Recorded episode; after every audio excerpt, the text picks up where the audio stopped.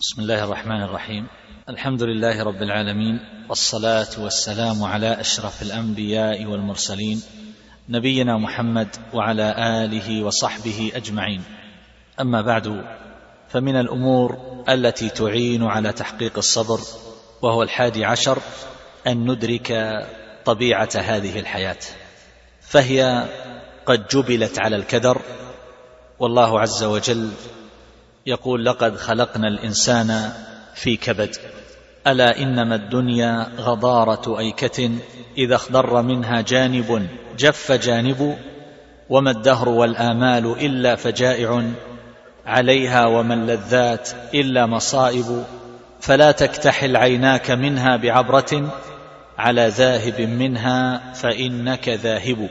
وقد قال أبو فراس الحمداني المرء نصب مصائب لا تنقضي حتى يوارى جسمه في رمسه فمؤجل يلقى الردى في أهله يعني يرى الفجائع في أهله يموتون. مؤجل أي يطول عمره. فمؤجل يلقى الردى في أهله ومعجل يلقى الردى في نفسه. أبو الطيب المتنبي له أبيات يصور فيها هذا المعنى وإن كان لا يوافق على بعض العبارات. يقول رماني الدهر بالأزراء حتى ونسبة هذا إلى الدهر لا يصح ولا يليق. يقول رماني الدهر بالأزراء حتى فؤادي في غشاء من نبالي فصرت إذا أصابتني سهام تكسرت النصال على النصال. والشافعي رحمه الله يقول محن الزمان كثيرة لا تنقضي وسروره يأتيك كالأعياد. قليل. في بعض أمثال الإنجليز المصائب نادرا ما تأتي فرادا.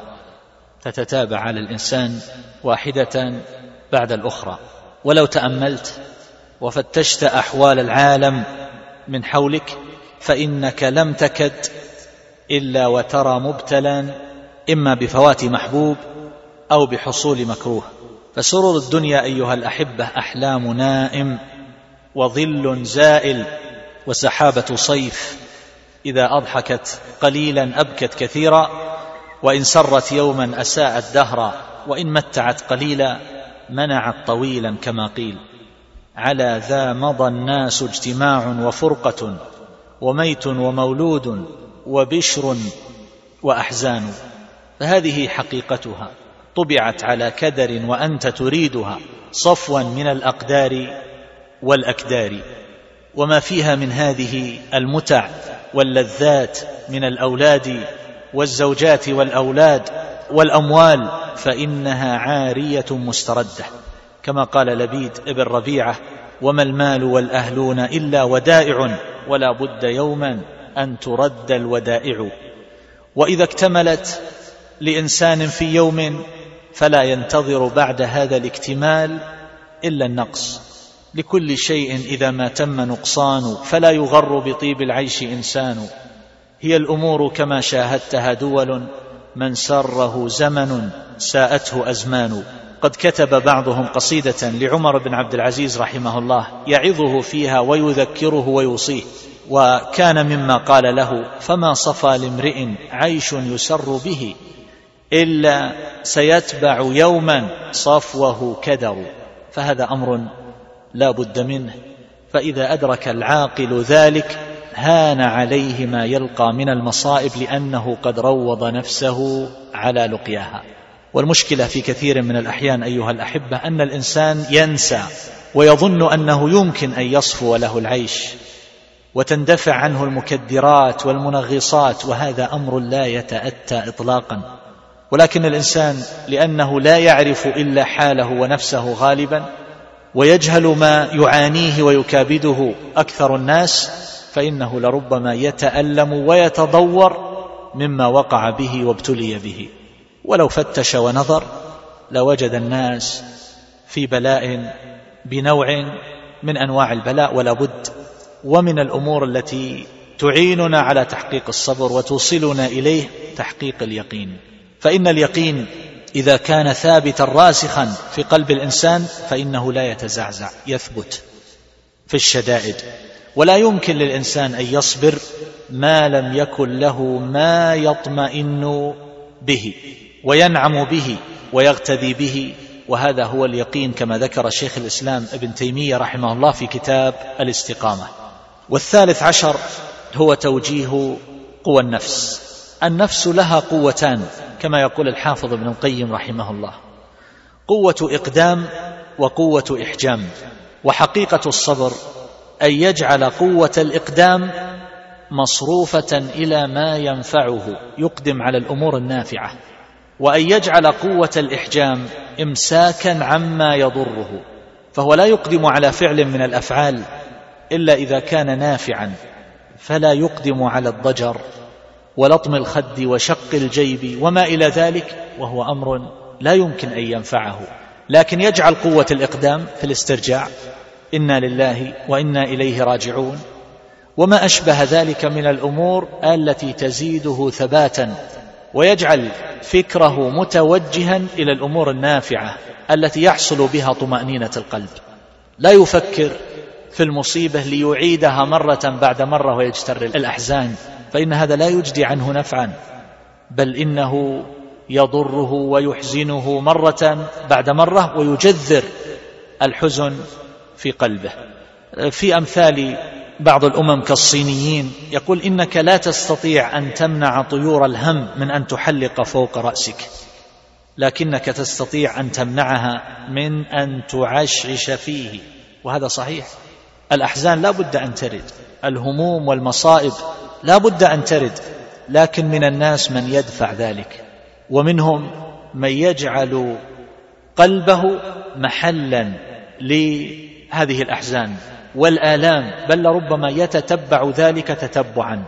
إذا كان الإنسان ليس له شغل إلا سماع الأخبار المحزنة والحوادث المؤلمة ويرد عليه الواردون بهذه الأمور وليس له حديث ولا شيء يسمعه.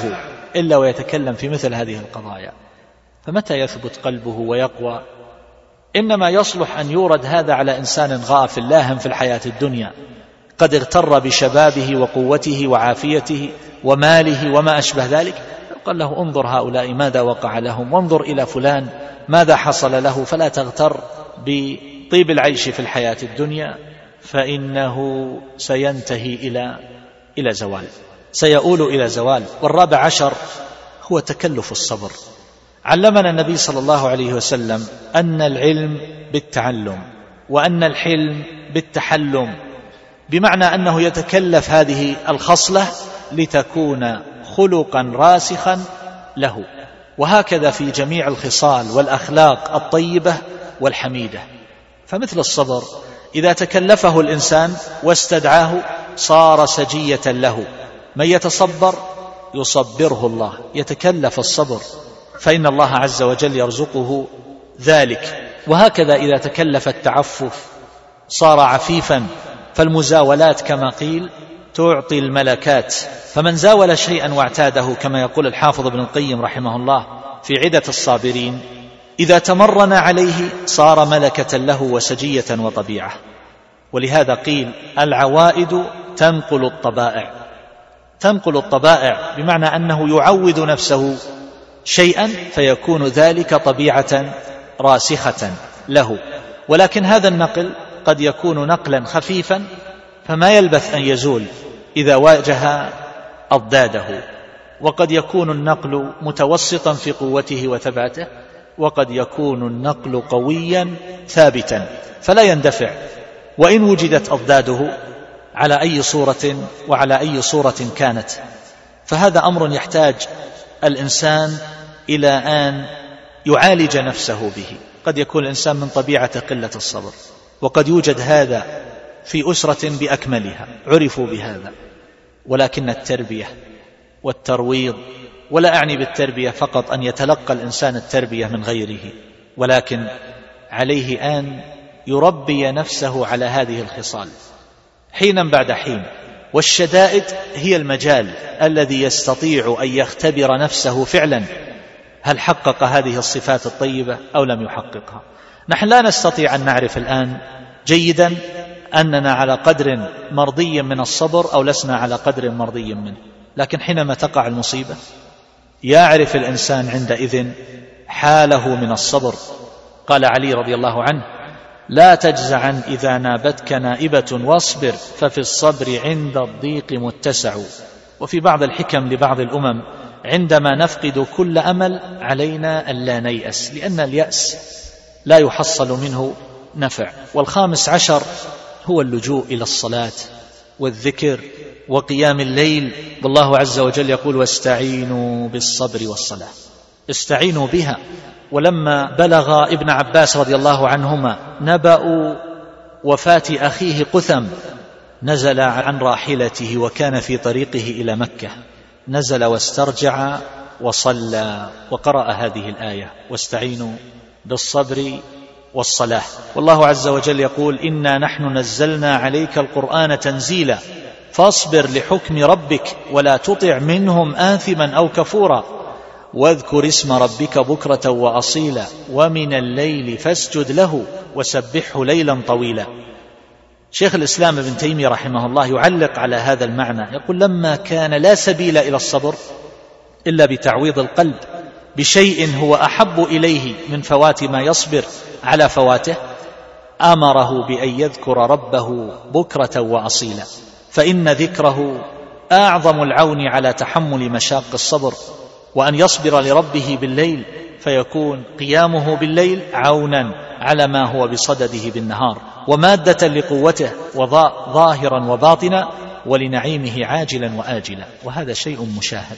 الإنسان إذا كان يلجأ في الشدائد إلى الصلاة في الليل أو في النهار وإلى ذكر الله عز وجل يلهج بالذكر. ايا كانت هذه الشدة التي نزلت حتى لو تعطلت عليه سيارته. في الطريق في السفر في مكان خال يذكر الله عز وجل يصلي ركعتين. يلجأ إلى الله تبارك وتعالى فإن ذلك يهون عليه ما هو به. فكيف إذا وقع له مصيبة أعظم من ذلك؟ من فقد حبيب أو مرض خطير أو فقد مال كثير أو نحو ذلك مما يعرض للإنسان ولا بد. فيلجأ إلى مثل هذه الأمور. يكثر من ذكر ربه فينشرح صدره. ويطمئن ويسر بذلك ويلتذ ويجد عوضا عما فاته وفارقه. السادس عشر ما يدريك لعلها يعني هذه المصيبة والشدة تكون سببا لدفع ما هو أعظم. لعلي ذكرت في بعض المناسبات في غير موضوع الصبر في بعض المجالس خبر ذلك الملك الذي كان له وزير يذكر ربه دائما وكلما حصل شيء من الأمور السارة أو الأمور المكروهة فإن هذا الوزير يبادر يقول الخيرة فيما اختاره الله. دائما فبينما هو على مائدة الملك إذ جرحت أصبع الملك. يقطع الفاكهة فانجرحت أصبعه. فقال قد جرحت؟ فقال ذاك على السجية الخيرة فيما اختاره الله. فغضب عليه الملك وقال له تشمت بي وتفرح لمصابي أودعه السجن.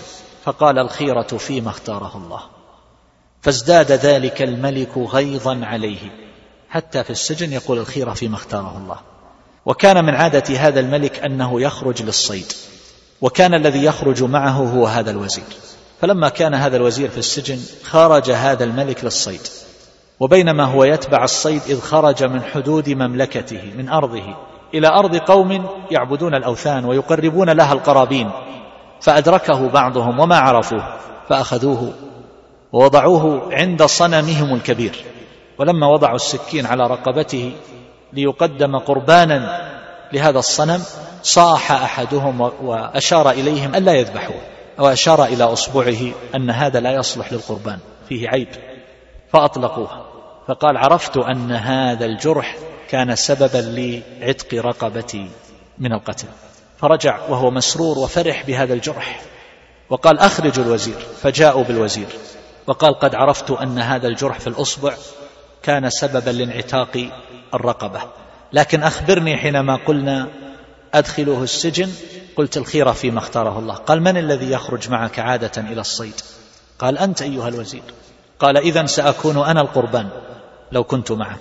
فكان السجن سببا أيضا لخلاص هذا الوزير وحفظا له من تقديمه قربانا لهذا الصنم.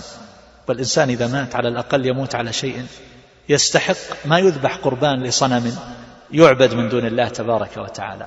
فصار السجن خيرا لهذا الإنسان من من غيره. فأقول أيها الأحبة الإنسان لا يدري أين الخير فلماذا يجزع؟ قد تفوته الطائرة ثم يسمع في الأخبار بعد ذلك أن هذه الطائرة قد سقطت. قد يسافر أصحابه ويتركونه فيحزن ثم يتبين له بعد ذلك أن هؤلاء قد حصل لهم بعض ما يكره في الطريق وأنهم قد ماتوا. المرأة قد يخطبها رجل ثم بعد ذلك لا يحصل شيء فتجزع وتحزن ثم تتكشف الأمور بعد مدة أن هذا الرجل لا يصلح زوجا لها.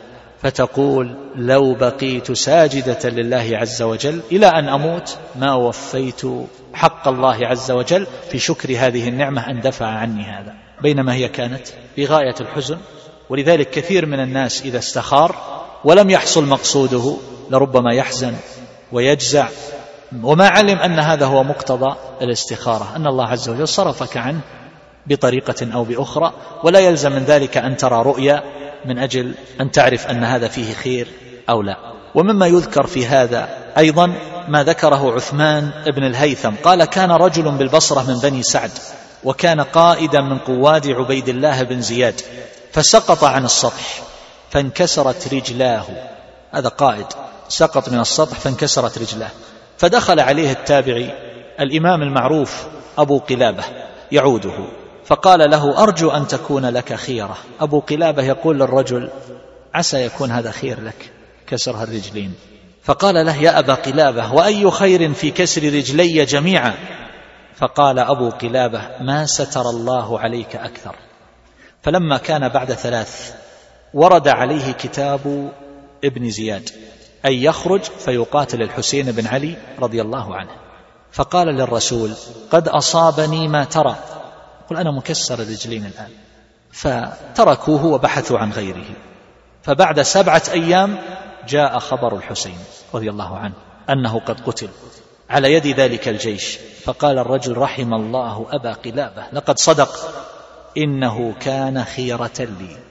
هذا تكسر مو فقط يدي كسر كل عظم في في جسده ولا يكون متسببا في قتل الحسين رضي الله تعالى عنه وأرضاه. فانظر كيف يصرف العبد أحيانا ببعض ما يكره عن أمور هي أعظم والسابع عشر هون المصيبة هون المصيبة. والعامة يقولون هونها وتهون هونها وتهون. كيف نهون المصيبة؟ نهونها بجملة أمور.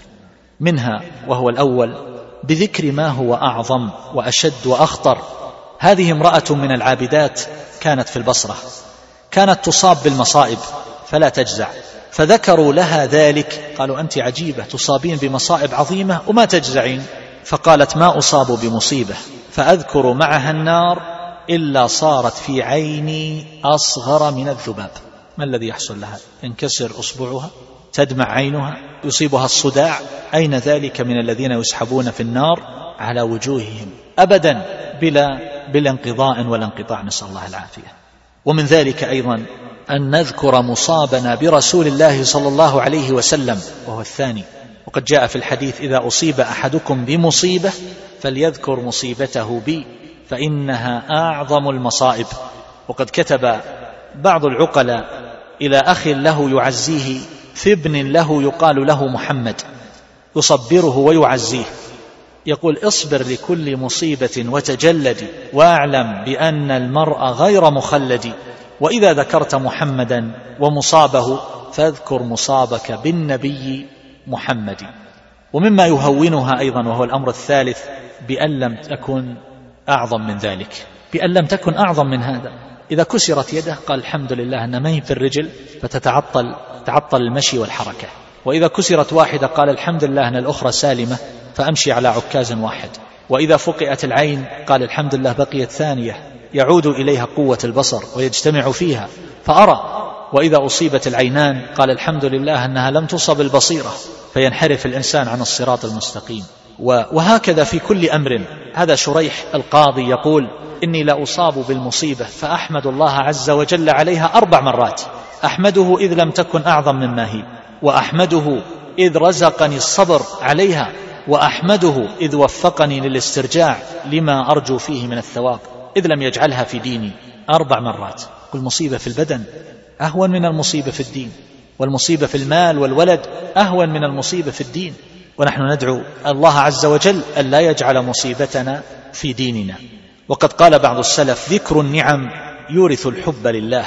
هذا رجل رأى قرحة في يد محمد بن واسع. محمد بن واسع من العباد المشاهير في زمان التابعين رضي الله تعالى عنهم. رأى قرحة في يده.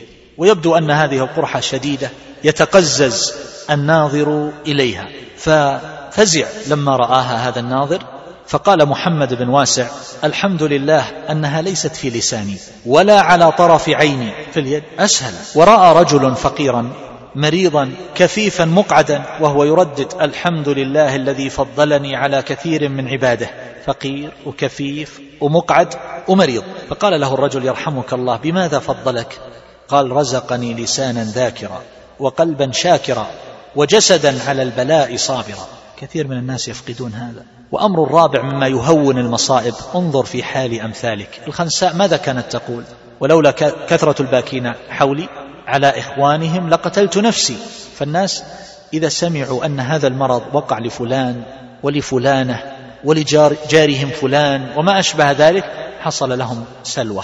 وخف ذلك عليهم. إذا وقع مصيبة وقع لابنهم حادث وسمعوا أن فلانا من جيرانهم وقع لابنهم حادث وهؤلاء وقع لأبيهم وهؤلاء وقع لأخيهم وما أشبه ذلك خف وقع ذلك عليهم.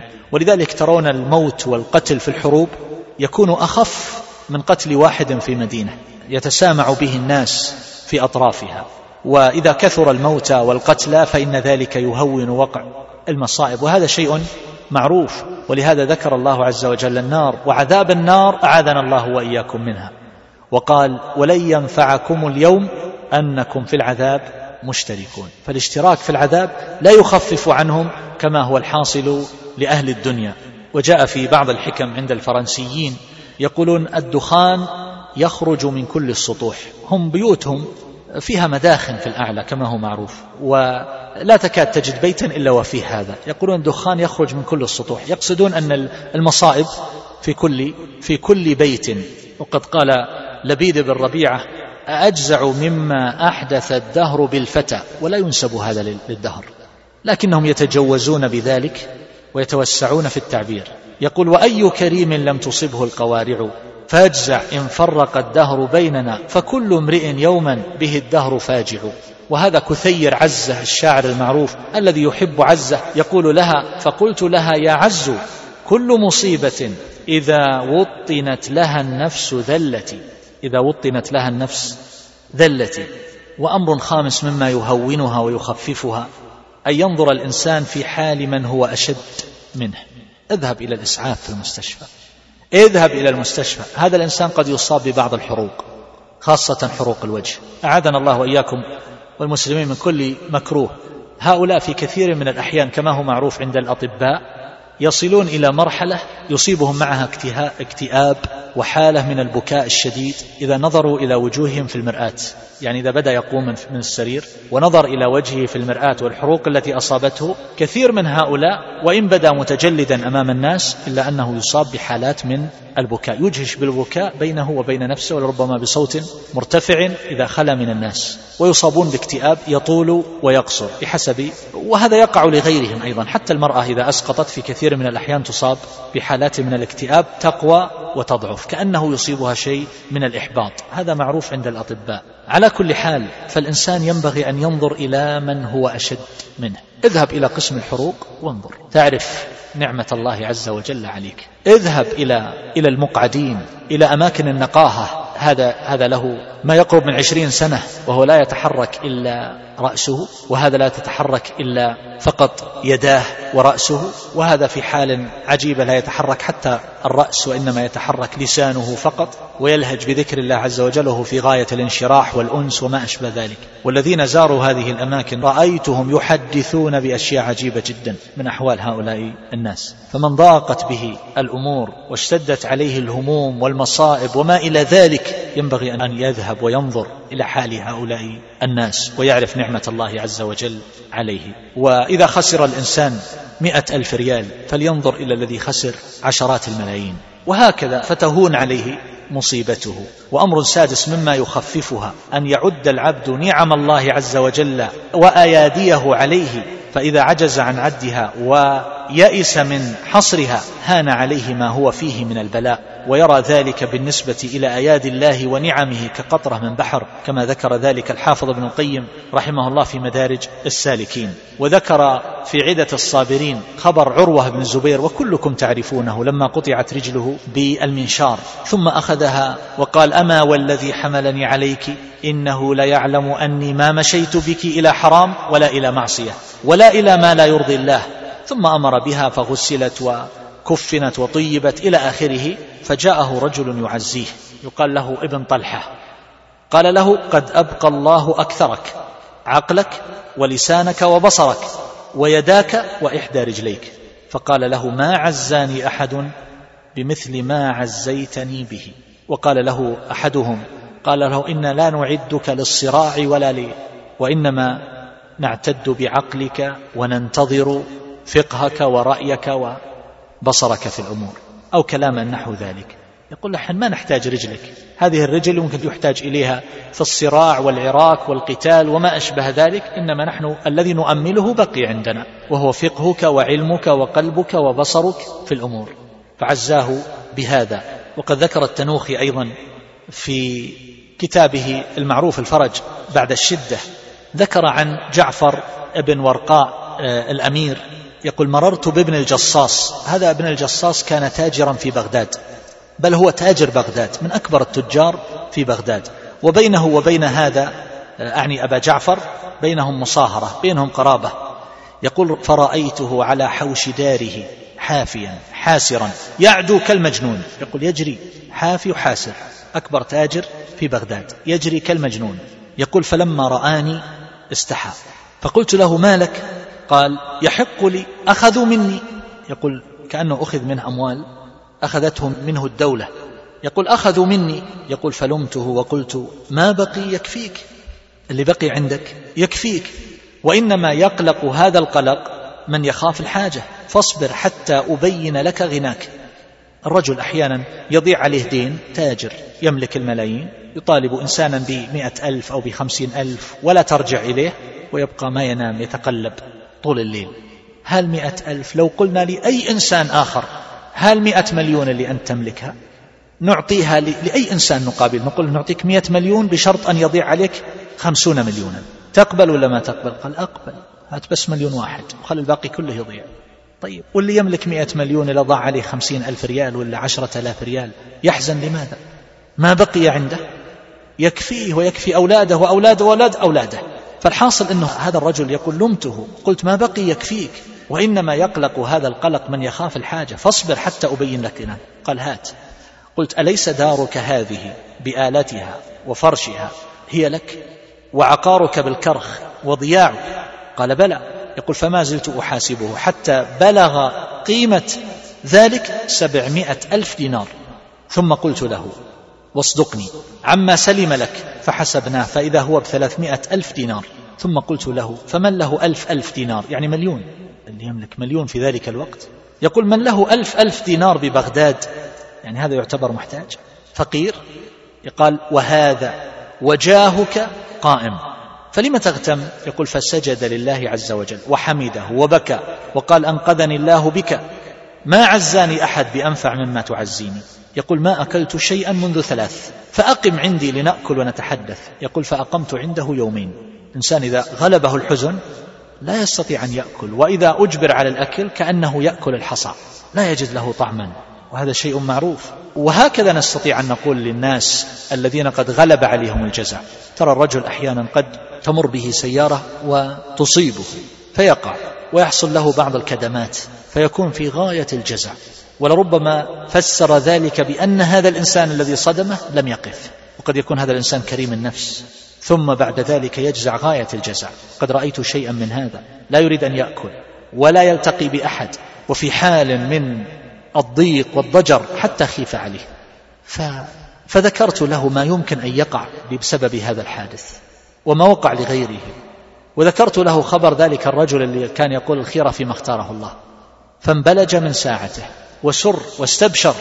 وقبل ذلك كان أولاده لا يستطيعون الدخول عليه. قد انزوى عنهم في المجلس. لا يريد أن يقابل أحدا لما غلبه من الجزع فنحن نستطيع أن نهون مثل هذه الأمور بمثل هذا. جاء رجل إلى يونس بن عبيد رحمه الله فشكى إليه الضيق والحاجة والفقر وكان في غاية الغم. فقال له يونس بن عبيد رحمه الله أيسرك ببصرك مئة ألف؟ قال لا الآن يؤخذ منك البصر وتعطى مئة ألف. قال لا. قال فبسمعك. قال لا. قال فبلسانك. قال لا. قال فبعقلك. قال لا. وعدد له جملة من النعم. وذكره نعمة الله عز وجل عليه. ثم قال يونس أرى لك مئين ألوفا. يعني أن تملك مئات الألوف وأنت تشكو الحاجة. هذه امرأة كانت تعاني بعض المعاناة وأصيبت ببعض الأمراض النفسية بسبب ما تعانيه. ذهبت إلى الطبيب طبيب النفسي. وذكرت له ما تعاني وما عندها من المشاكل والآلام وما إلى ذلك. فقال لا بأس ارجعي إلى بيتك الآن. وخذي ورقتين ورقة عددي فيها النعم كلها بلا استثناء. وورقة أخرى عددي فيها الآلام والعلل والمشكلات. تقول جلست أعدد النعم فرأيت أن ذلك لا ينحصر. وأما الآلام فهي أشياء محدودة واحد اثنين ثلاثة. فتقول فاستحييت من الله عز وجل وعرفت نعمته علي. بهذا يمكن أن يرتفع الغم عن الإنسان ويصبر. وكذلك أيضا مما يهونها أن يتذكر سوالف النعم التي أنعم الله بها عليه في الماضي. وأمر ثامن وهو كما قيل إنما هي ساعة. فكأن لم تكن وقت الشدة وقت محدود محصور. وسيذهب. لا محالة. كان ابن شبرمة إذا نزل به بلاء قال سحابة صيف ثم ثم تنقشع. أيها الحامل هما إن هذا لا يدوم. مثل ما تفنى المسرات كذا تفنى الهموم. انقسى الدهر ولا يصح أن ينسب ذلك إلى الدهر. يقول الشاعر انقسى الدهر فإن الله بالناس رحيم.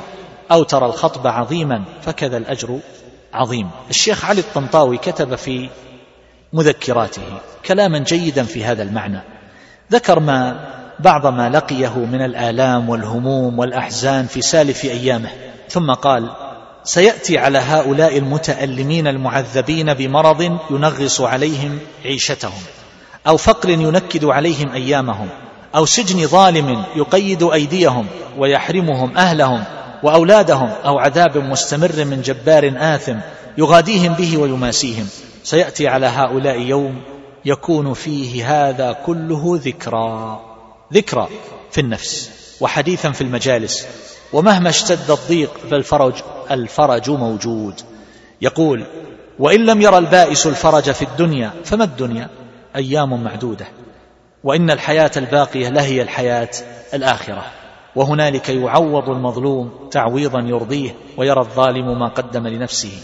إلى آخر ما ذكر. وهذا صحيح. هذا صحيح. تبقى هذه الأشياء ذكريات. لكن يبقى عمله. ماذا عمل في تلك الساعة؟ كيف كان تصرفه؟ وضبطه لنفسه. هل جزع؟ هل صبر؟ ومن الأمور المعينة على الصبر أنتقل إليها بعد ما ذكرت هذه القضية وهو أن نهون المصيبة. من الأمور المعينة على الصبر وهو الثامن عشر أن نتذكر أن أشد الناس بلاء الأنبياء. ثم الأمثل فالأمثل كما في حديث سعد رضي الله تعالى عنه. يا رسول الله أي الناس أشد بلاء؟ قال الأنبياء. ثم الأمثل فالأمثل يبتلى الرجل على حسب دينه فإن كان دينه صلبا اشتد بلاؤه. وإن كان في دينه رقة ابتلاه الله على حسب دينه فما يبرح البلاء بالعبد حتى يمشي على الأرض وما عليه خطيئة. على قدر دينه. أحيانا لو نظرت إلى امرأة أحيانا أصابها أنواع الاكتئاب. ولا تقوم ولا تفكر إلا في مشكلتها العظمى التي وقعت لها ما هذه المشكلة؟ أن زوجها يفكر بالزواج عليها أو قد تزوج. أنت معافاة في بدنك والحمد لله ومعافاة في دينك وأولادك عندك يسرحون ويمرحون وفي خير وعافية وغنى. هذه سيطرت عليها هذه المشكلة ليس هناك في الدنيا مشكلة سواها. بل لربما يكون الأمر أقل من هذا. أقل من هذا أحيانا قد تكون هذه المرأة هذه المرأة. المشكلة التي تعاني منها هي أن زوجها لم يأتي لها بخادمة أو لم يسمح لها أو لم يأتي لها بسائق أو نحو ذلك من الأمور التي تعظمها. وتكون هذه القضية هي المشكلة العظيمة التي لا تفكر إلا بها وتتحول حياتها إلى كدر وأحزان. وهكذا الإنسان إذا إذا عظم الشيء. انظروا إلى هذه القطعة السوداء الصغيرة الآن. لو كبرها الإنسان فإنه لا يرى الدنيا لا يرى إلا هذه القطعة. وإذا صارت بعيدة أنتم ترونها من بعيد الآن على حجمها الحقيقي. هكذا المشكلات إذا ضخمها الإنسان وصار لا يفكر إلا بها وصوب الذهن نحوها عظمت. قد يبقى الإنسان ليلة لا ينام وأياما وهو في أرق بسبب كلمة سمعها من فلان. وما قيمة هذه الكلمة؟ لكنه عظمها ووجه فكره نحوها فتضخمت في عينه. الآن لو نظرنا إلى علماء الأحياء مثلا حينما يأتون بحشرة صغيرة لا ترى بالعين ويضعونها بالمكبرات وتكون في هيئة من البشاعة والضخامة شيء هائل. رأيت بعض الصور وبعض النماذج بالمكبر. من هذا؟ أقول هذه من نعمة الله أننا لا نراها. لو كنا نراها لما طاب لنا عيش.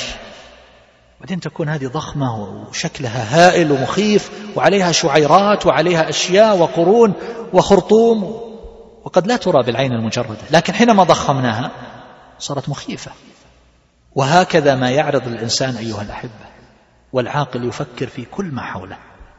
أحيانا قد تجد الطالبة أو الطالب أو كذا على ربع درجة نقصت من 15 لا ترقى لها عين ولا يجف لها دمع ولا تهنأ بنوم ولا طعام ولا شراب على ربع. هي سيطرت عليها هذه المشكلة فصارت هي كل شيء بالنسبة إليها. طيب واللي جايب صفر ماذا يصنع؟ طيب لو أيضا هو جعل هذه كل شيء ولذلك من الناس من أخذ هذه الأمور بطريقة أخرى.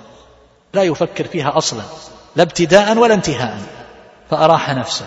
ولا أقصد أن الإنسان يفعل هذا لكن أقول هكذا تؤثر الأشياء عموما في الإنسان كلما صوب نظره إليها وفكر فيها وضخمها. وقل مثل ذلك في الأشياء التي تحصل للإنسان. أيا كانت المرأة أحيانا التي لا يوجد لها أطفال. ليس عندها مشكلة إلا هذه في الدنيا. أنت في عافية وتعبدين الله عز وجل متفرغة للعبادة وقد تكونين صرفت عن أولاد يشقونك في حياتك. ما تدري. لا تفكر إلا بهذا. والسؤال الحساس المؤلم الجارح بل المرأة التي تعاديها هي المرأة التي تسألها أمام الآخرين. ما جاك ظنا هذا سؤال يزلزلها من الأرض. وتلك لربما تسأل بكل براءة. وهذه ترى أنها مثل وخز أو مثل طعن الرماح. هذا السؤال. والأخرى التي عندها أطفال يتضاغون حولها في المطبخ وفي الصالة. ما عندها مشكلة في الدنيا إلا هالطفلين اللي يبكون أو يسببون لها ضجيجا وصداعا وهي تبكي وتولول مكتئبة وحزينة و... على إيش؟ ما في هموم في هالدنيا وفي هالعالم ومصائب وقضايا الأمة. إلا هالطفل اللي في المطبخ جالس يصيح يتبعك ويأخذ بطرف ثوبك.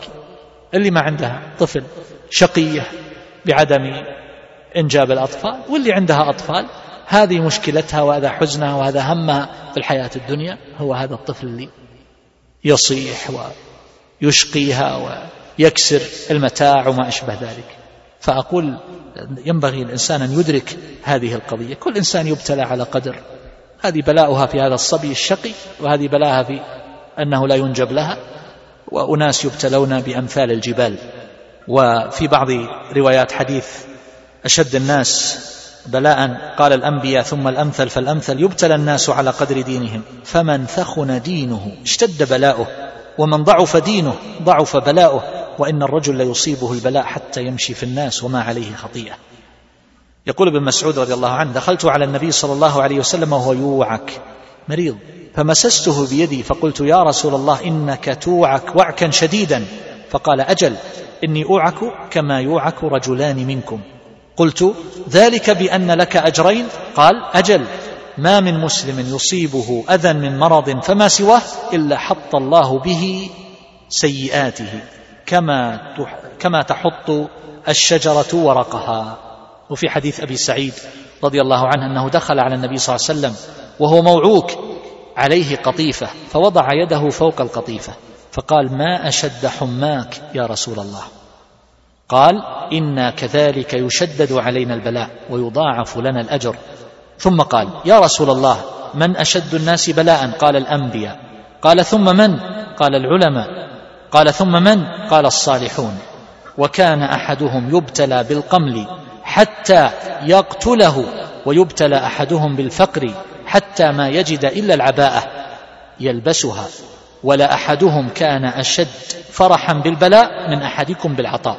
هذا رواه ابن ماجه وصححه الشيخ ناصر الدين الألباني في صحيح الترغيب والترهيب. انظروا كان أحدهم يبتلى بالقمل حتى يقتله ويبتلى أحدهم بالفقر حتى ما يجد إلا العباءة يلبسها ولا أحدهم كان أشد فرحا بالبلاء من أحدكم بالعطاء.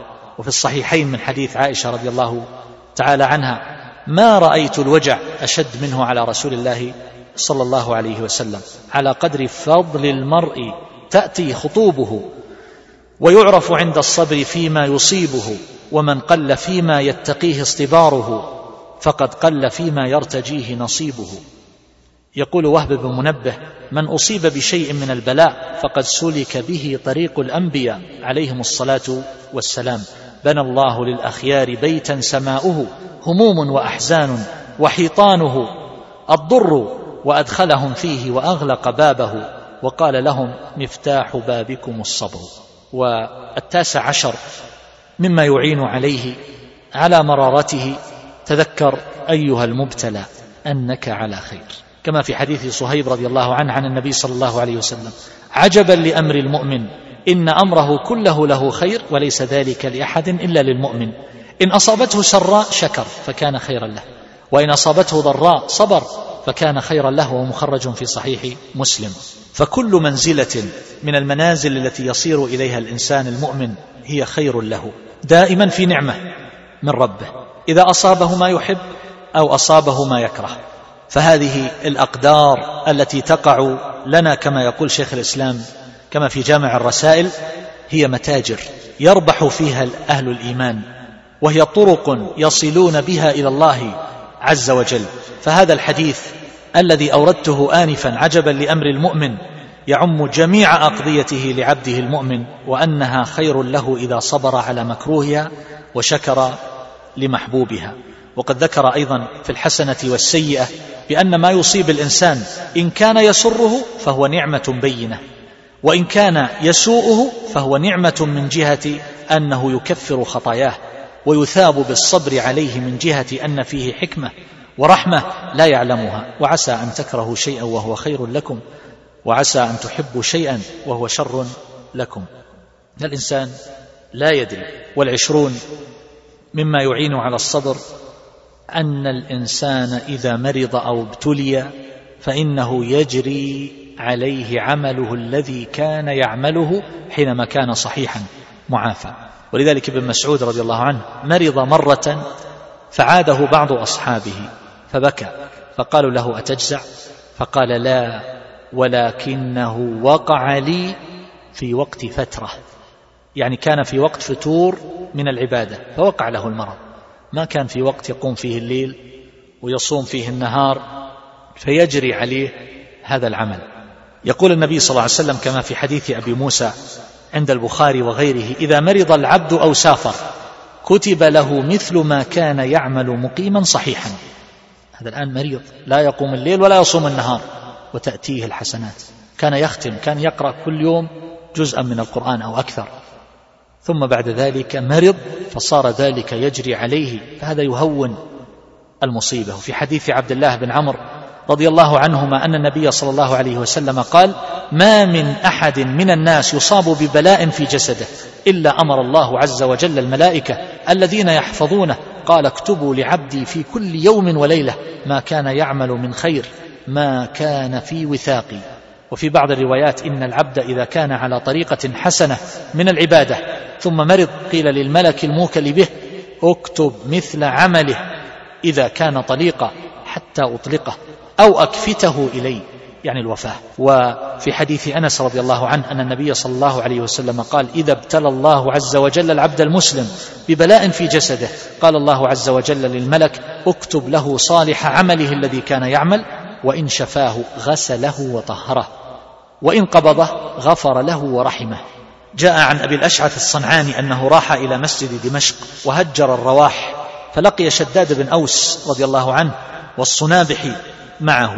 فقلت يقول فقلت أين تريدان؟ فقال نريدها هنا إلى أخ لنا من مضر نعوده. يقول فانطلقت معهما حتى دخل على ذلك الرجل فقال له كيف أصبحت؟ فقال أصبحت بنعمة. هذا مريض. فقال شداد أبشر بكفارات السيئات وحط الخطايا فإني سمعت رسول الله صلى الله عليه وسلم يقول إن الله يقول إني إذا ابتليت عبدا من عبادي مؤمنا فحمدني على ما ابتليته فإنه يقوم من مضجعه ذلك كيوم ولدته أمه من الخطايا. ويقول الرب عز وجل للحفظة أنا قيدت عبدي هذا وابتليته فأجروا له كما كنتم تجرون له وهو صحيح. هذا أخرجه الإمام أحمد وغيره وحسنه الشيخ الألباني في صحيح الترغيب والترهيب. فهذا الإنسان الذي قد مرض يغسل من الذنوب غسلا. إذا تذكر الإنسان مثل هذه المعاني يفهم قول النبي صلى الله عليه وسلم أنهم كانوا يفرحون بالبلاء كما نفرح نحن بالرخاء. وذلك لما يستشعرون من هذه المعاني. فإذا تذكرها الإنسان هانت عليه مصائبه. وأمراضه وآلامه وقال الحمد لله. الحمد لله. الدنيا ستذهب ويبقى الأجر ويبقى الصبر ويكون ذلك تكفيرا للذنوب. الحادي والعشرون تذكر أن الله أراد بك خيرا. كما في حديث أبي هريرة أن النبي صلى الله عليه وسلم قال من يرد الله به خيرا يصب منه. رواه البخاري. من يرد الله به خيرا يصب. منه تأتيه مصيبة في المال أو في الولد أو في النفس أو في غير ذلك. وفي حديث محمود بن لبيد رضي الله عنه أن النبي صلى الله عليه وسلم قال إذا أحب الله قوما ابتلاهم فمن صبر فله الصبر ومن جزع ومن جزع فله الجزع. وفي حديث أنس مرفوعا إن عظم الجزاء مع عظم البلاء وإن الله تعالى إذا أحب قوما ابتلاهم فمن رضي فله الرضا. ومن سخط فله السخط. نسأل الله العافية. يقول الفضيل بن عياض رحمه الله إن الله لا يتعاهد عبده المؤمن بالبلاء كما يتعاهد الرجل أهله بالخير. سنتعاهد أهله بالنفقة وما يروح عنهم وما والله يتعاهد عبده الذي يحبه بالبلاء. وكان يقول أعني الفضيل لا يبلغ العبد حقيقة الإيمان حتى يعد البلاء نعمة والرخاء مصيبة. مصيبة من أي جهة؟ من جهة الاستدراج. وأن الذنوب تكتنز له حتى يوافي يوم القيامة. نسأل الله العافية. وجاء أيضا عن سفيان الثوري رحمه الله أنه قال ليس بفقيه من لم يعد البلاء نعمة والرخاء مصيبة. والرخاء مصيبة. زرت رجلا كان قد ابتلي واحترق. نسأل الله العافية لنا ولكم جميع المسلمين. وكان في كرب شديد. فذكرت له قول سفيان هذا ليس بفقيه من لم يعد البلاء نعمة والرخاء مصيبة فما رد فعدته بعد أسبوع فقال أعد علي ما قال سفيان. قلت ما سمعته؟ قال كنت في كرب شديد لا أفقه شيئا. الصبر أيها الأحبة عند الصدمة عند الصدمة الأولى. والله والنبي صلى الله عليه وسلم يقول إذا أراد الله بعبده خيرا عجل له العقوبة في الدنيا. وإذا أراد بعبده شرا أمسك عنه بذنبه حتى يوافي به يوم القيامة. وقد علق على هذا الشيخ ابن عثيمين رحمه الله علق على هذا الحديث بأن الإنسان لا يخلو في الدنيا من أخطاء وتقصير وذنوب وما أشبه ذلك فتطهره هذه البلايا في الدنيا. فإذا وافى يوم القيامة فإنه يأتي وليس عليه ذنوب. وإذا أراد الله عز وجل عقوبته في الآخرة حبس ذلك عنه في الدنيا.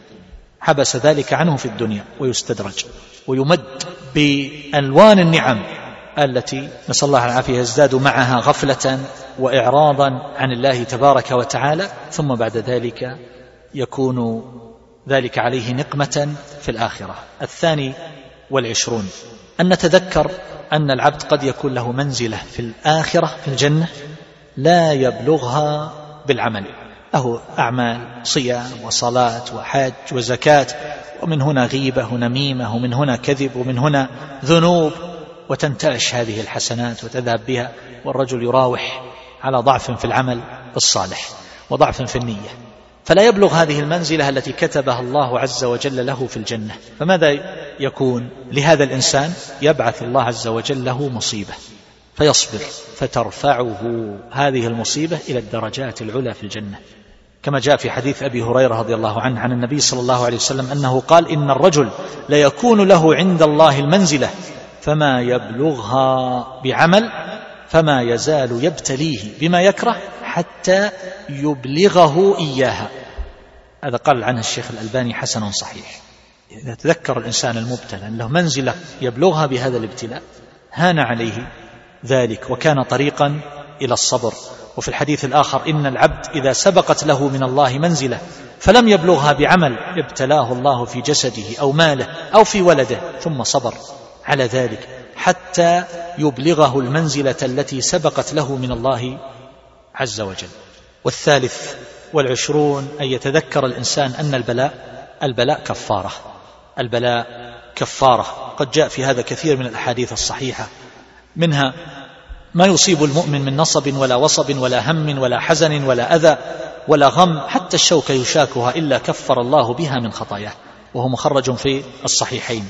وفي لفظ ما يصيب المؤمن من نصب ولا من وصب ولا نصب ولا سقم ولا حزن حتى الهم يهمه إلا كفر من سيئاته حتى الهموم.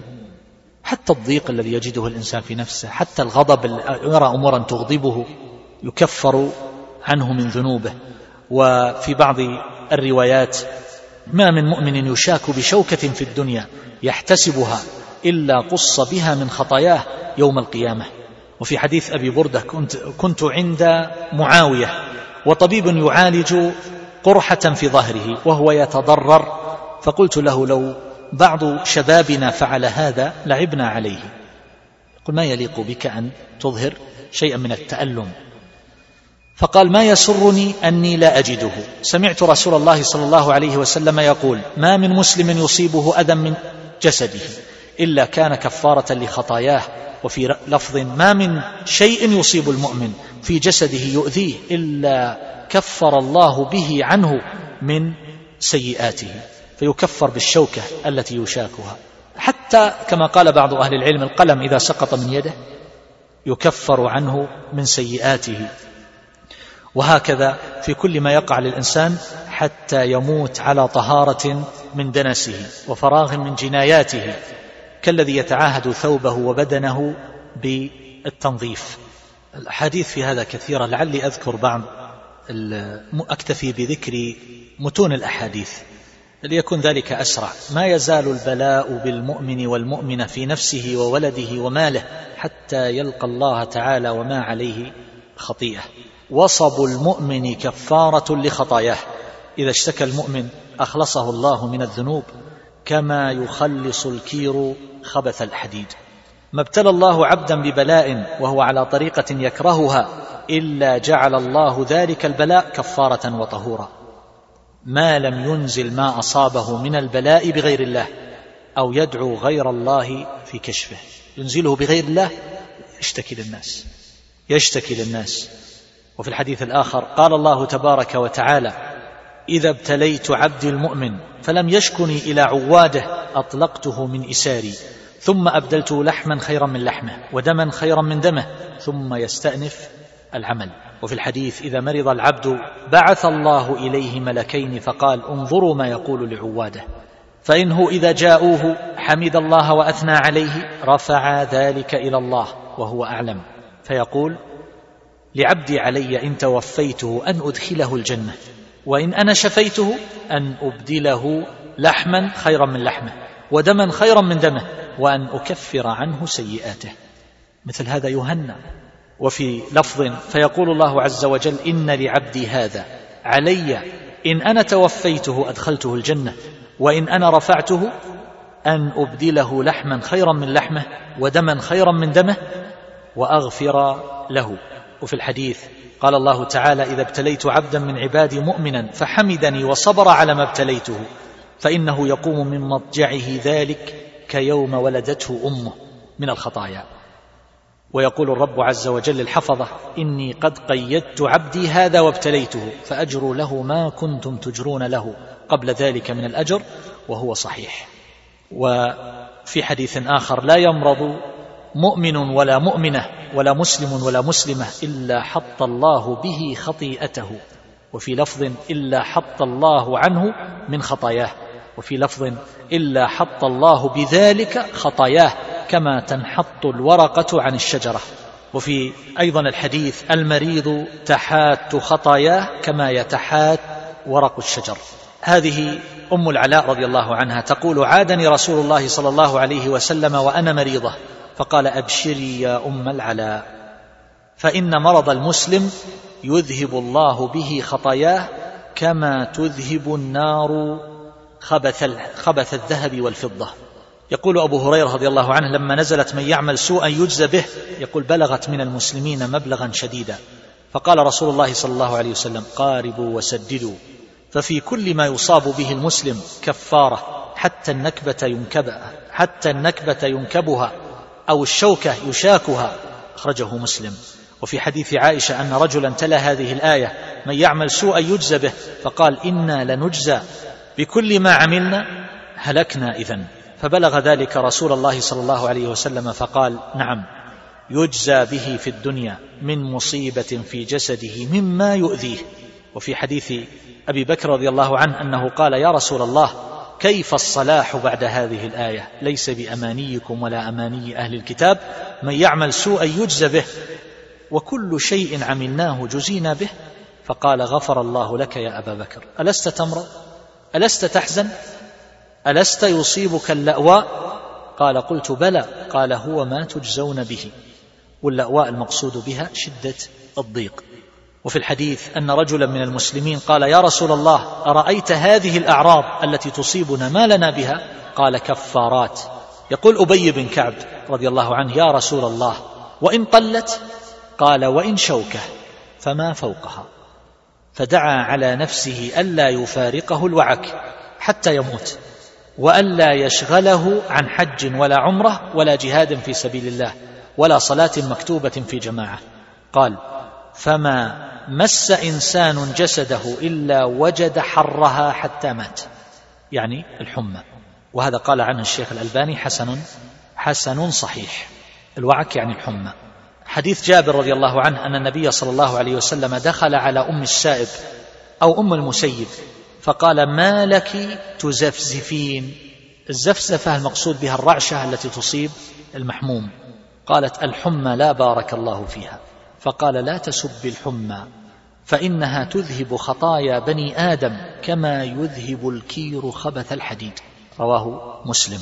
ويقول عليه الصلاة والسلام إنما مثل العبد المؤمن حين يصيبه الوعك والحمى كحديدة تدخل النار فيذهب خبثها ويبقى طيبها.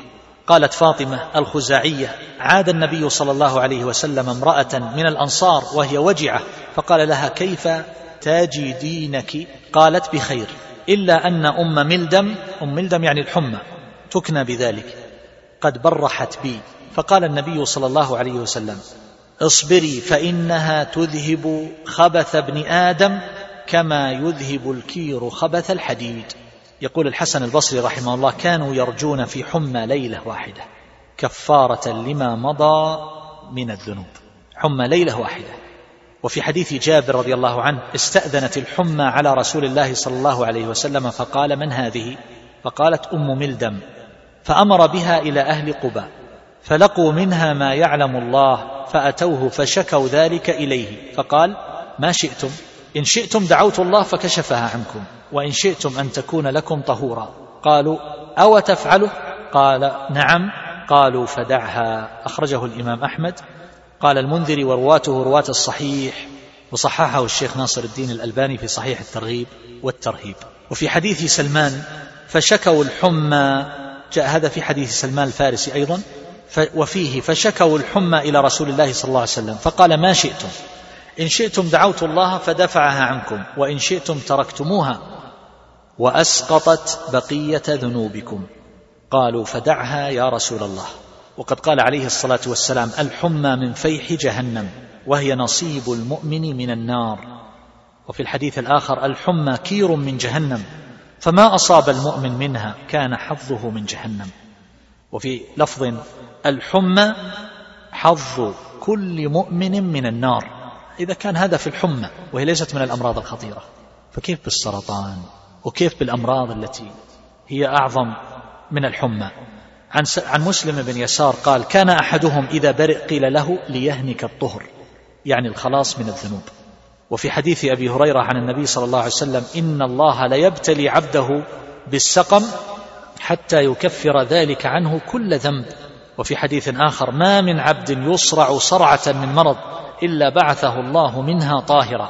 فهذه الأحاديث جميعا تدل على أن المرض يكفر عنه الذنوب وأنه يغسل ذنوب العبد غسلا. لكن هل يؤجر على هذا؟ أو أن المرض يكون والمصائب تكون كفارة للإنسان. جاء عن أبي معمر الأزدي قال كنا إذا سمعنا من ابن مسعود شيئا نكرهه سكتنا حتى يفسره لنا. فقال لنا ذات, ذات يوم ألا إن السقم لا يكتب له أجر فساءنا ذلك وكبر علينا. فقال ولكن يكفر به الخطيئة فسرنا ذلك وأعجبنا.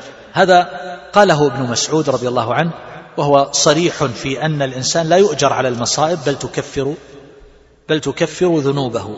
نعم. وقد أكد هذا المعنى الحافظ ابن القيم رحمه الله وقرره وذكر أن الأجر إنما يكون على الأمور الاختيارية وما تولد منها كما قال الله عز وجل في النوعين في الأمور الاختيارية وما تولد منها في سورة التوبة. في مباشرة الإنفاق وقطع الوادي قال إلا كتب لهم. وفي المتولد من إصابة الظمأ والنصب والمخمصة في سبيله وغيظ الكفار إلا كتب لهم به عمل صالح. فابن القيم رحمه الله يقول الأجر مرتبط بهذين في العمل الصالح وما تولد منه يعني ما حصل معه مصاحبا له قبله أو, أو في أثنائه أو بعده من المشقات أو الأمراض. يذهب الإنسان يحج ثم يصاب بالحمى بالإنفلونزا. الحمى هي الإنفلونزا الآن اللي. فهذا متولد من الطاعة. يذهب للعمرة وينكسر أو يصير له حادث أو نحو ذلك. يؤجر لأن هذا متولد من الطاعة.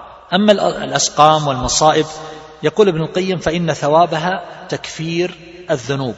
وما أصابكم من مصيبة فبما كسبت أيديكم. ويحتج بالأحاديث السابقة. يقول أما الطاعات فترفع درجات العبد. وأما المصائب فإنها تحط عنه السيئات. ولهذا قال النبي صلى الله عليه وسلم من يرد الله به خيرا يصب منه. وقال من يرد به خيرا يفقهه في الدين. فابن القيم يقول هذا يرفعه وهذا يحط عنه الخطايا والذنوب والأوزار. آه، ونقل عن يزيد بن ميسرة بأن العبد يمرض المرض وما له عند الله من عمل خير فيذكره الله تعالى بعض ما سلف من خطاياه فيخرج من عينه مثل رأس الذباب من الدمع من خشية الله فيبعثه الله. إن بعثه مطهرا أو يقبضه إن قبضه مطهرا. فهذا يدل على آه، أنها كفارة. وإلى آخر ما ذكره ابن القيم رحمه الله وقد ذكر الشيخ ابن عثيمين رحمه الله أيضا في شرح رياض الصالحين بأن المصائب كفارات. وأما الأجر فإنه يكون على الاحتساب والصبر الذي يحصل للإنسان إن حصل فيعوضه الله عز وجل خيرا ويجري له الأجر على هذه المصيبة بسبب صبره واحتسابه. وإذا غفل عن ذلك فإن المصيبة أو الألم يكون سببا لتكفير الذنوب والخطايا. وقد مر في كلام شيخ الإسلام ابن تيمية رحمه الله في كتاب الحسنة والسيئة الذي ذكرته قبل بأن إذا احتسب كان له الأجر أو إذا صبر كان له الأجر. لكن هذا القول يرد عليه بعض الأحاديث مثل حديث أبي سعيد أحاديث صحيحة النبي صلى الله عليه وسلم قال صداع المؤمن أو شوكة يشاكها أو شيء يؤذيه يرفعه الله بها يوم القيامة درجة. ويكفر عنه بها ذنوبه. هذا يدل على أنه يرفع بهذه المصائب. وكذلك حديث عائشة رضي الله عنها ما من مصيبة تصيب المسلم إلا كفر الله عنه بها حتى الشوكة يشاكها. هذا في الصحيحين. وفي رواية لمسلم لا يصيب المؤمن شوكة فما فوقها إلا قص الله بها من خطيئته. وفي بعض الروايات إلا رفعه الله بها درجة وحط عنه بها خطيئة. وفي رواية أن شبابا من قريش دخلوا عليها وهي بمنى وهم يضحكون. فقالت ما يضحككم؟ قالوا إن فلانا خر على طنب طنب الخيمة على طنب فسطاط فكادت عنقه أو عينه أن تذهب. فقالت لا تضحكوا فإني سمعت رسول الله صلى الله عليه وسلم يقول ما من مسلم يشاك شوكة فما فوقها إلا كتبت له بها درجة ومحيت عنه بها خطيئة. نعم. وكذلك الإمام البخاري رحمه الله حينما بوب في الصحيح باب الصبر على الأذى ثم ذكر تحته قول الله عز وجل إنما يوفى الصابرون أجرهم بغير حساب. وهذا يشعر أن البخاري رحمه الله يرى أن الإنسان يؤجر على ما يحصل له من على ما يحصل له من المصائب. وقد يقول قائل إنما يوفى الصابرون أجرهم أنه يؤجر على الصبر وعلى كل حال يمكن أيضا أن يستدل على أن الإنسان يؤجر على المصائب وليس فقط تكفر عنه الذنوب بما سنذكره في آه، المجلس القادم إن شاء الله تعالى مما يعين على الصبر وهو الرابع والعشرون آه، وهو تذكر الثواب الذي يحصل له على آه، الآلام والمصائب والشدائد. التي يواجهها في هذه الحياة. فالرابع والعشرون من الأمور التي يتوصل بها إلى الصبر وتعين عليه هو ملاحظة الثواب. وقد ذكرنا من قبل أن المصائب التي تقع للإنسان أنها تكفر عنه السيئات. وذكرنا قول من قال بأنه لا يؤجر عليها وإنما قد يؤجر على الصبر. وأما المصيبة فهي كفارة. وذكرنا بعض ما يدل على أن الإنسان يؤجر على المكاره. ومن هذا المنطلق نقول من الأمور التي تعين على الصبر أن يلاحظ الإنسان الثواب والأجر الذي يتفضل الله عز وجل به عليه إذا وقع له البلاء. فإذا لاحظ حسن الجزاء فإنه يطمئن قلبه إلى ذلك. وترتاض النفس ويهدأ القلب ويخف عليه حمل البلاء لشهود العوض. وهذا كما يخف على كل متحمل لمشقة عظيمة حملها إذا لاحظ حسن العاقبة والظفر الذي يكون بعدها. ولولا ذلك لتعطلت مصالح الدنيا والآخرة. وما أقدم أحد على مشقة عاجلة إلا لثمرة مؤجلة. إما في الدنيا وإما في الآخرة.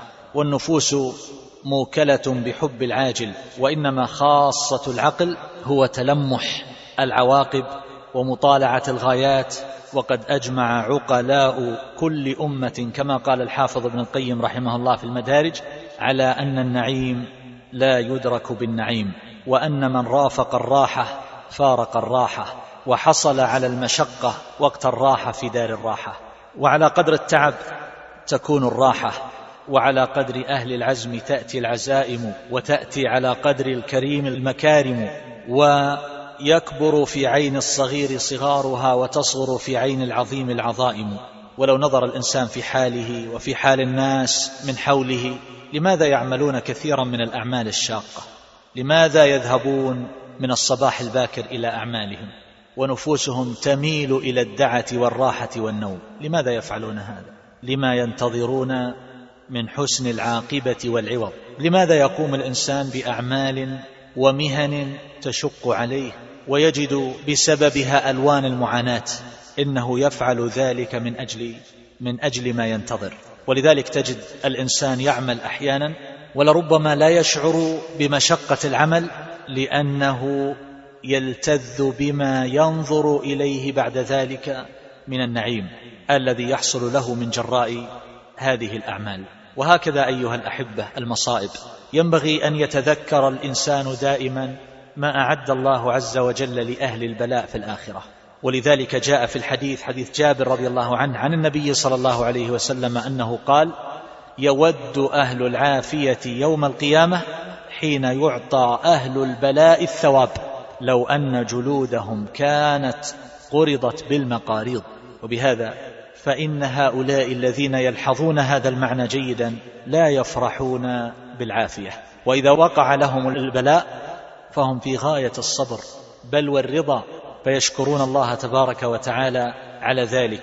وقد قال ابن عباس رضي الله عنهما لعطاء ابن أبي رباح ألا أريك امرأة من أهل الجنة؟ فقال له بلى. قال هذه المرأة السوداء. أتت النبي صلى الله عليه وسلم فقالت إني أصرع وإني أتكشف فادعوا الله لي. قال إن شئت صبرت ولك الجنة. لاحظ الثواب. وإن شئت دعوت الله أن يعافيك. فقالت أصبر. فقالت إني أتكشف فادعوا الله لي ألا أتكشف. فدعا لها. أخرجه الشيخان. وهذا إذا لاحظه المريض. فهذه المرأة قد تصرمت أيامها وانقضت حياتها وزالت معها علالها ولكن ما الذي بقي لها؟ بقي لها الصبر والجزاء عند الله عز وجل. لو أنها استعجلت وقالت أريد أن تعجل لي الآن بالدعاء وأن يكشف عني هذا الصرع هل يكون ذلك هو خير الأمرين؟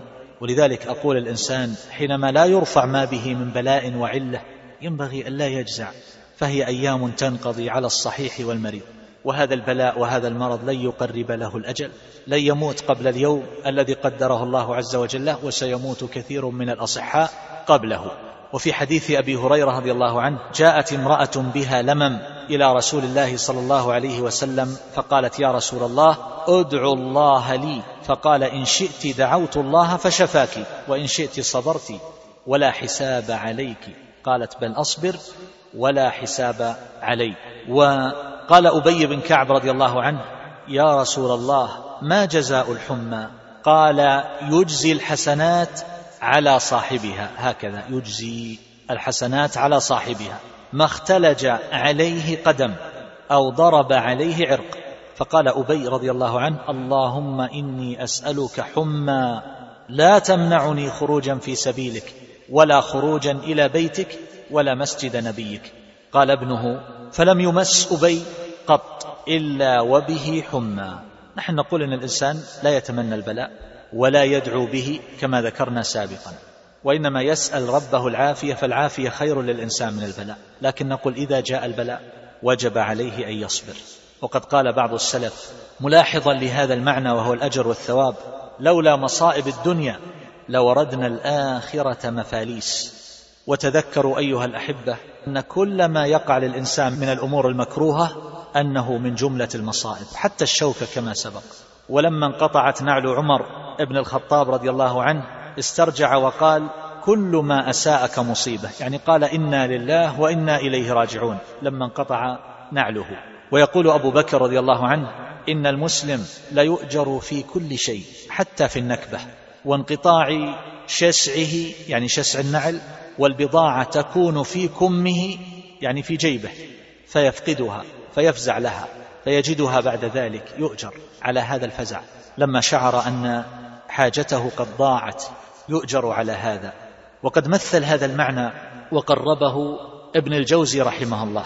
يقول لو أن ملكا قال لرجل فقير كلما ضربتك بهذا العود اللطيف ضربة أعطيتك ألف دينار لأحب كثرة الضرب لا لأنه لا يؤلم ولكن لما يرجو من عاقبته وإن أنكاه الضرب. فكذلك السلف تلمحوا الثواب فهان عليهم البلاء. أنا أعجب حينما أنظر إلى بعض الصور وفيها طوابير هائلة أمام ملعب رياضي من أجل أن يساهموا بشيء لا يستحق وقوف خمس دقائق. هذا المال الذي سيعطونه إن أعطوا لا يستحق وقفة خمس دقائق. ويقفون في هذه الطوابير العظيمة. وقفت أمام هذا المشهد. أنظر إليه في هذه الصور في الصحف وأتعجب وأتأمل وأتفكر كيف يصبر هؤلاء على هذا اللون من الهوان والتعب وينامون في العراء ويقفون في هذه الطوابير الطويلة. لو كان الإنسان له حق عظيم والطريق إليه هو الوقوف في هذه الطوابير لتركه. ومع ذلك يصبرون على هذا. هؤلاء لو قيل لهم كل ما ضربناك بسوط أعطيناك ألف ريال. لتزاحموا على السياط وتقاتلوا عليها. وما عند الله خير وأبقى. يحكى عن امرأة من العابدات أنها عثرت فانقطعت أصبعها فضحكت فقال لها بعض من رآها أتضحكين؟ وقد انقطعت أصبعك؟ فقالت أخاطبك على قدر عقلك. حلاوة أجرها أنستني مرارة ذكرها. يعني هي تقصد بقولها أخاطبك على قدر عقلك تقصد أمرا آخر وهو ملاحظة المبتلي أنه اختارها لهذا البلاء وحسن الاختيار وما أشبه ذلك مما يتعلق بإرادة الله عز وجل وحكمته. فقالت لهذا الرجل أخاطبك على قدر فهمك وعقلك. ملاحظة الجزاء هي التي أضحكتني. فتلذذت بالشكر له والرضا عنه مقابل ما جاءها من قبله. انظروا إلى بعض المصائب التي قد تقع للإنسان. إذا فقد الإنسان حبيبتيه يعني عينيه ما الذي يحصل له؟ يقول النبي صلى الله عليه وسلم كما في حديث أنس في الصحيح إن الله عز وجل قال إذا ابتليت عبدي بحبيبتيه فصبر عوضته منهما الجنة. وفي لفظ يقول الله عز وجل إذا أخذت كريمتي عبدي في الدنيا لم يكن له جزاء عندي إلا الجنة. وفي رواية من حديث أبي هريرة رضي الله عنه من أذهبت حبيبتيه فصبر واحتسب لم أرض له ثوابا دون الجنة. وفي حديث العرباض بن سارية مرفوعا إلى النبي صلى الله عليه وسلم إذا سلبت من عبدي كريمتيه وهو بهما ضنين. يعني شحيح. لم أرض له ثوابا دون الجنة إذا هو حمدني عليهما. وفي حديث أبي هريرة أن النبي صلى الله عليه وسلم قال لا يذهب الله بحبيبتي عبد فيصبر ويحتسب إلا أدخله الله الجنة. وفي حديث ابن عباس مرفوعا يقول الله إذا أخذت كريمتي عبدي فصبر واحتسب لم أرض له ثوابا دون الجنة. وهكذا من فقد من فقد الولد. وقد جاء عند الترمذي وأحمد من حديث أبي موسى الأشعري رضي الله عنه عن النبي صلى الله عليه وسلم إذا مات ولد العبد. قال الله لملائكته قبضتم ولد عبدي. فيقولون نعم. فيقول قبضتم ثمرة فؤاده. فيقولون نعم. فيقول ماذا قال عبدي؟ فيقولون حمدك واسترجع. فيقول ابنوا لعبدي بيتا في الجنة. وسموه بيت الحمد. وفي سنن أبي داود من حديث عبد الله بن عمر قال رسول الله صلى الله عليه وسلم لا يرضى الله لعبده المؤمن إذا ذهب بصفيه من أهل الدنيا واحتسبه بثواب دون الجنة. وفي الصحيح من حديث أبي هريرة مرفوعا إلى النبي صلى الله عليه وسلم فيما يرويه عن ربه عز وجل ما لعبد المؤمن جزاء إذا قبضت صفيه من أهل الدنيا ثم احتسبه إلا الجنة. الخامس والعشرون مما يعين عليه أن يتلمح الإنسان وأن يتأمل ما في ثنايا هذه البلية والمصيبة من الفوائد والمنافع. والكلام في هذا يطول وقد كثرت أمثال العرب والعجم في التعبير عن هذه الحقيقة. فهي قضية مؤكدة مقررة عند العالمين أن الإنسان إذا لاحظ ما في مضامينها فإنها تهون عليه. في بعض الأمثال عند الروس يقولون لو لم تكن المصيبة لم تكن هناك سعادة. يعني لا تعرف طعم اللذة إلا إذا ذقت طعم المرارة. إذا ذقت طعم المرارة في أيام في أيام النكد والألم والبؤس. وهناك مثل أيضا ينقل عن بعض الفرنسيين عن نابليون يقول المصيبة هي القابلة القانونية. القابلة يعني التي تولد تقوم بالتوليد. هي القابلة القانونية التي تولد العبقرية. ويقول آخر الريح التي تهب في الوجه تجعل المرء حكيما. يعرف كيف يتصرف؟ تكون قد عركته التجارب. ولذلك فإن من المعروف كما قال ابن قتيبة رحمه الله في بعض كتبه يقول تجد البلادة غالبا في أولاد الأغنياء والحرفة والفطنة في أولاد الفقراء. لماذا؟ لأن الغني كل شيء متاح له. هذا غالبا وليس دائما. كل شيء متاح له فهو لا يعرف يتصرف.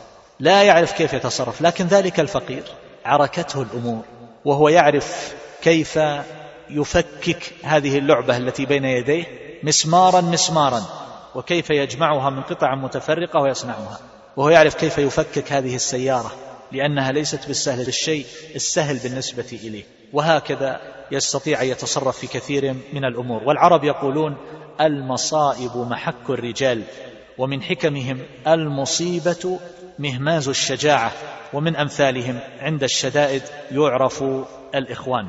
السادس والعشرون مما يوصلنا إليه هو اللجوء إلى الله تبارك وتعالى بالدعاء.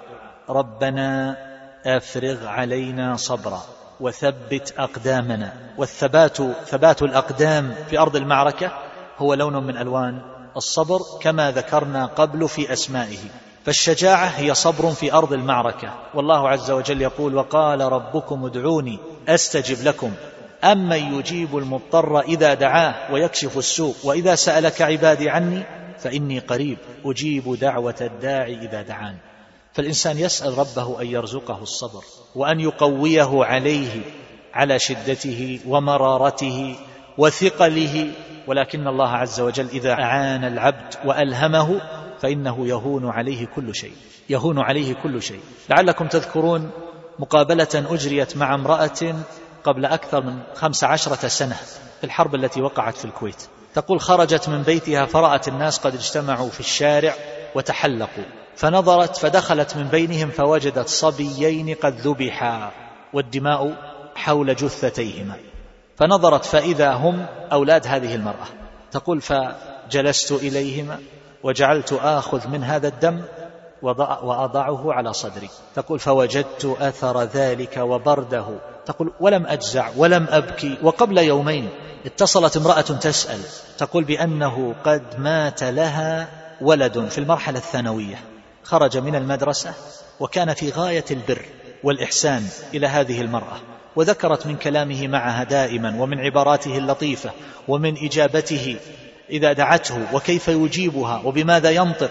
أشياء عجيبة جدا قل أن توجد. تقول فاصطدم ببعض الحواجز فمات. تقول فهالني كثرة من دخل. دخلوا عليها بعد الظهر بوقت. إخوانها وأخواتها وضج أخواتها بالبكاء وانهارت خادمتها وهي لا تدري. فسألت فأخبرت أن ولدها قد مات. تقول فلم أبكي. فجعلت أضم جميع من في الصالة وأهدئهم وأروضهم. ولما اجتمع خلق كثير منهم من نعرفهم ومنهم من لا نعرفهم للعزاء كنت مبتسمة. وما بكيت. تقول فلامني قرابتي. لاموني على هذا وقالوا هذه قسوة وشدة وغلظة وجفاف. كيف تفعلين هذا؟ تبتسمين وأنت المصابة؟ فكانت تسأل تقول هل علي في هذا شيء؟ وهل فعلا هذا يعتبر من الجفاء؟ هل هذا يعتبر من الجفاف؟ لم أبكي. أنتظر ما عند الله عز وجل. هذه أمثلة نادرة. وهذا لا يكون إلا إذا ثبت الله عز وجل للإنسان. هذه المرأة تقول وجدت سكينة حينما بلغني هذا الخبر. وجدت بردا في قلبي وراحة وطمأنينة وربط الله عز وجل عليه حتى صرت بهذه المثابة. وأعرف أمثلة أخرى على هذا يربط فيها على قلب الإنسان في وقت في وقت الشدة ووقت المصيبة. فبعض الذين خرجوا من جنتنامو صلى الله عز وجل أن يفرج عن جميع أسرى المسلمين. يقول أجريت معه بعض المقابلات. قرأت ذلك في الإنترنت. يقول حينما أخذوهم في أول الأمر ثم بعد ذلك ما الذي حصل لهم؟ يقول كنا نجد راحة وانشراحا وثباتا ويقينا لا يمكن أن يوصف. يقول وكنا نبتسم وهم في غاية الإذلال والقهر والدحر والإيلام لنا. يقول كنا نبتسم وكانوا يتغيظون غاية الغيظ وهم يرون هذه الابتسامات. يقولون الناس يعيشون في شيء آخر ونحن نعيش في شيء. هذا الله عز وجل ينزله على بعض عبادة فيثبتهم فيحصل لهم من السكينة والطمأنينة في أوقات الشدائد. والله عز وجل يقول من عرفني في الرخاء؟ عرفته في الشدة. قد قيل وإذا رميت من الزمان بشدة ونحن نذكر دائما الملحوظة هذه على هذه الأبيات إذا رميت من الزمان الله هو الذي يقدر كل شيء. وأصابك الأمر الأشق الأصعب فاضرع لربك إنه أدنى لمن يدعوه من حبل الوريد الأقرب. ويقول الآخر إليك وقد سدت بوجه الشرائع توجهت يا مولاي والطرف دامع يرومون إذلالي فجئتك أحتمي وما ذل عبد أنت عنه تدافع؟ فأنت الذي يدري خفي خواطري وهاجس فكري إن جفتني المضاجع فإن رابني أمر قصدتك عائدا وكل الذي قدرت لا بد واقع. ويقول الثالث يا من أجبت دعاء نوح فانتصر وحملته في فلكك المشحون. يا من أحال النار حول خليله روحا وريحانا بقولك كوني. يا من أمرت الحوت يلفظ يونسا. وسترته بشجيرة اليقطين. يا رب إنا مثله. يا رب إنا مثله في كربة. فارحم عبادا كلهم ذنون. على سبيل الحكاية. ويقول الألوسي رحمه الله إليك وإلا لا تشد الركائب. ومنك وإلا فالمؤمل خائب. وعنك وإلا فالكلام مضيع. وفيك وإلا فالمحدث كاذب.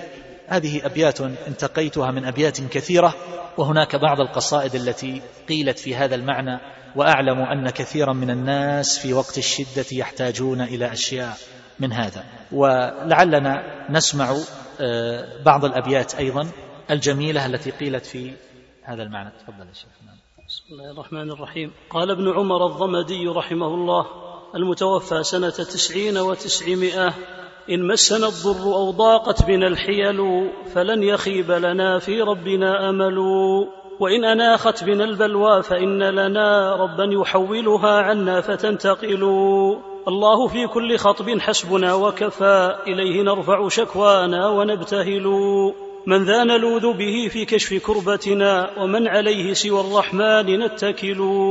وكيف يرجى سوى الرحمن من أحد وفي حياض نداه النهل والعلل. لا يرتجى الخير إلا من لديه ولا نظيره يتوقى الحادث الجلل. خزائن الله تغني كل مفتقر وفي يد الله للسؤال ما سالوا وسائل الله ما زالت مسائله مقبولة ما لها رد ولا ملل. فافزع إلى الله واقرع باب رحمته فهو الرجاء لمن أعيت به السبل. وأحسن الظن في مولاك وارض بما أولاك ينحل عنك البؤس والوجل. وإن أصابك عسر فانتظر فرجان فالعسر باليسر مقرون ومتصل. وانظر إلى قوله ادعوني أستجب لكم فذاك قول صحيح ما له بدل. كم أنقذ الله مضطرا برحمته وكم انال ذوي الآمال ما أملوا. يا مالك الملك فادفع ما ألم بنا فما لنا بتولي دفعه قبل. وحل عقدة محل حل ساحتنا بضره عمت الأمصار والحلل. وقطعت منه أرحام لشدته فما لها اليوم غير الله من يصل. وأهمل الخل فيه حق صاحبه الأدنى وضاقت على كل به السبل. فرب طفل وشيخ عاجز هرم أمست مدامعه في الخد تنهمل. وبات يرعى نجوم الليل من قلق وقلبه فيه نار الجوع تشتعل. امسى يعج من البلوى إليك ومن أحواله عندك التفصيل والجمل فأنت أكرم من يدعى وأرحم من يرجى وأمرك فيما شئت ممتثل فلا ملاذ ولا ملجأ سواك ولا إلا إليك لحي عنك مرتحل فاشمل عبادك بالخيرات إنهم على الضرورة والشكوى قد اشتملوا ويقول الآخر يا من يرى ما في الضمير ويسمع أنت المعد لكل ما يتوقع. يا من يرجى للشدائد كلها يا من إليه المشتكى والمفزع. يا من خزائن ملكه في قول كن أمن فإن الخير عندك أجمع. ما لي سوى فقري إليك وسيلة فبالافتقار إليك فقري أدفع. ما لي سوى قرعي لبابك حيلة ولئن طردت فأي باب أقرع. ومن الذي أدعو وأهتف باسمه إن كان فضلك عن فقيرك يمنع. حاشا لجودك أن تقنط عاصيا. الفضل أجزل والمواهب أوسع. بالذل قد وافيت بابك عالما. إن التذلل عند بابك ينفع. وجعلت معتمدي عليك توكلا. وبسطت كفي سائلا أتضرع. فاجعل لنا من كل ضيق مخرجا. والطف بنا يا من إليه المرجع. ثم الصلاة على النبي وآله خير الخلائق شافع ومشفع.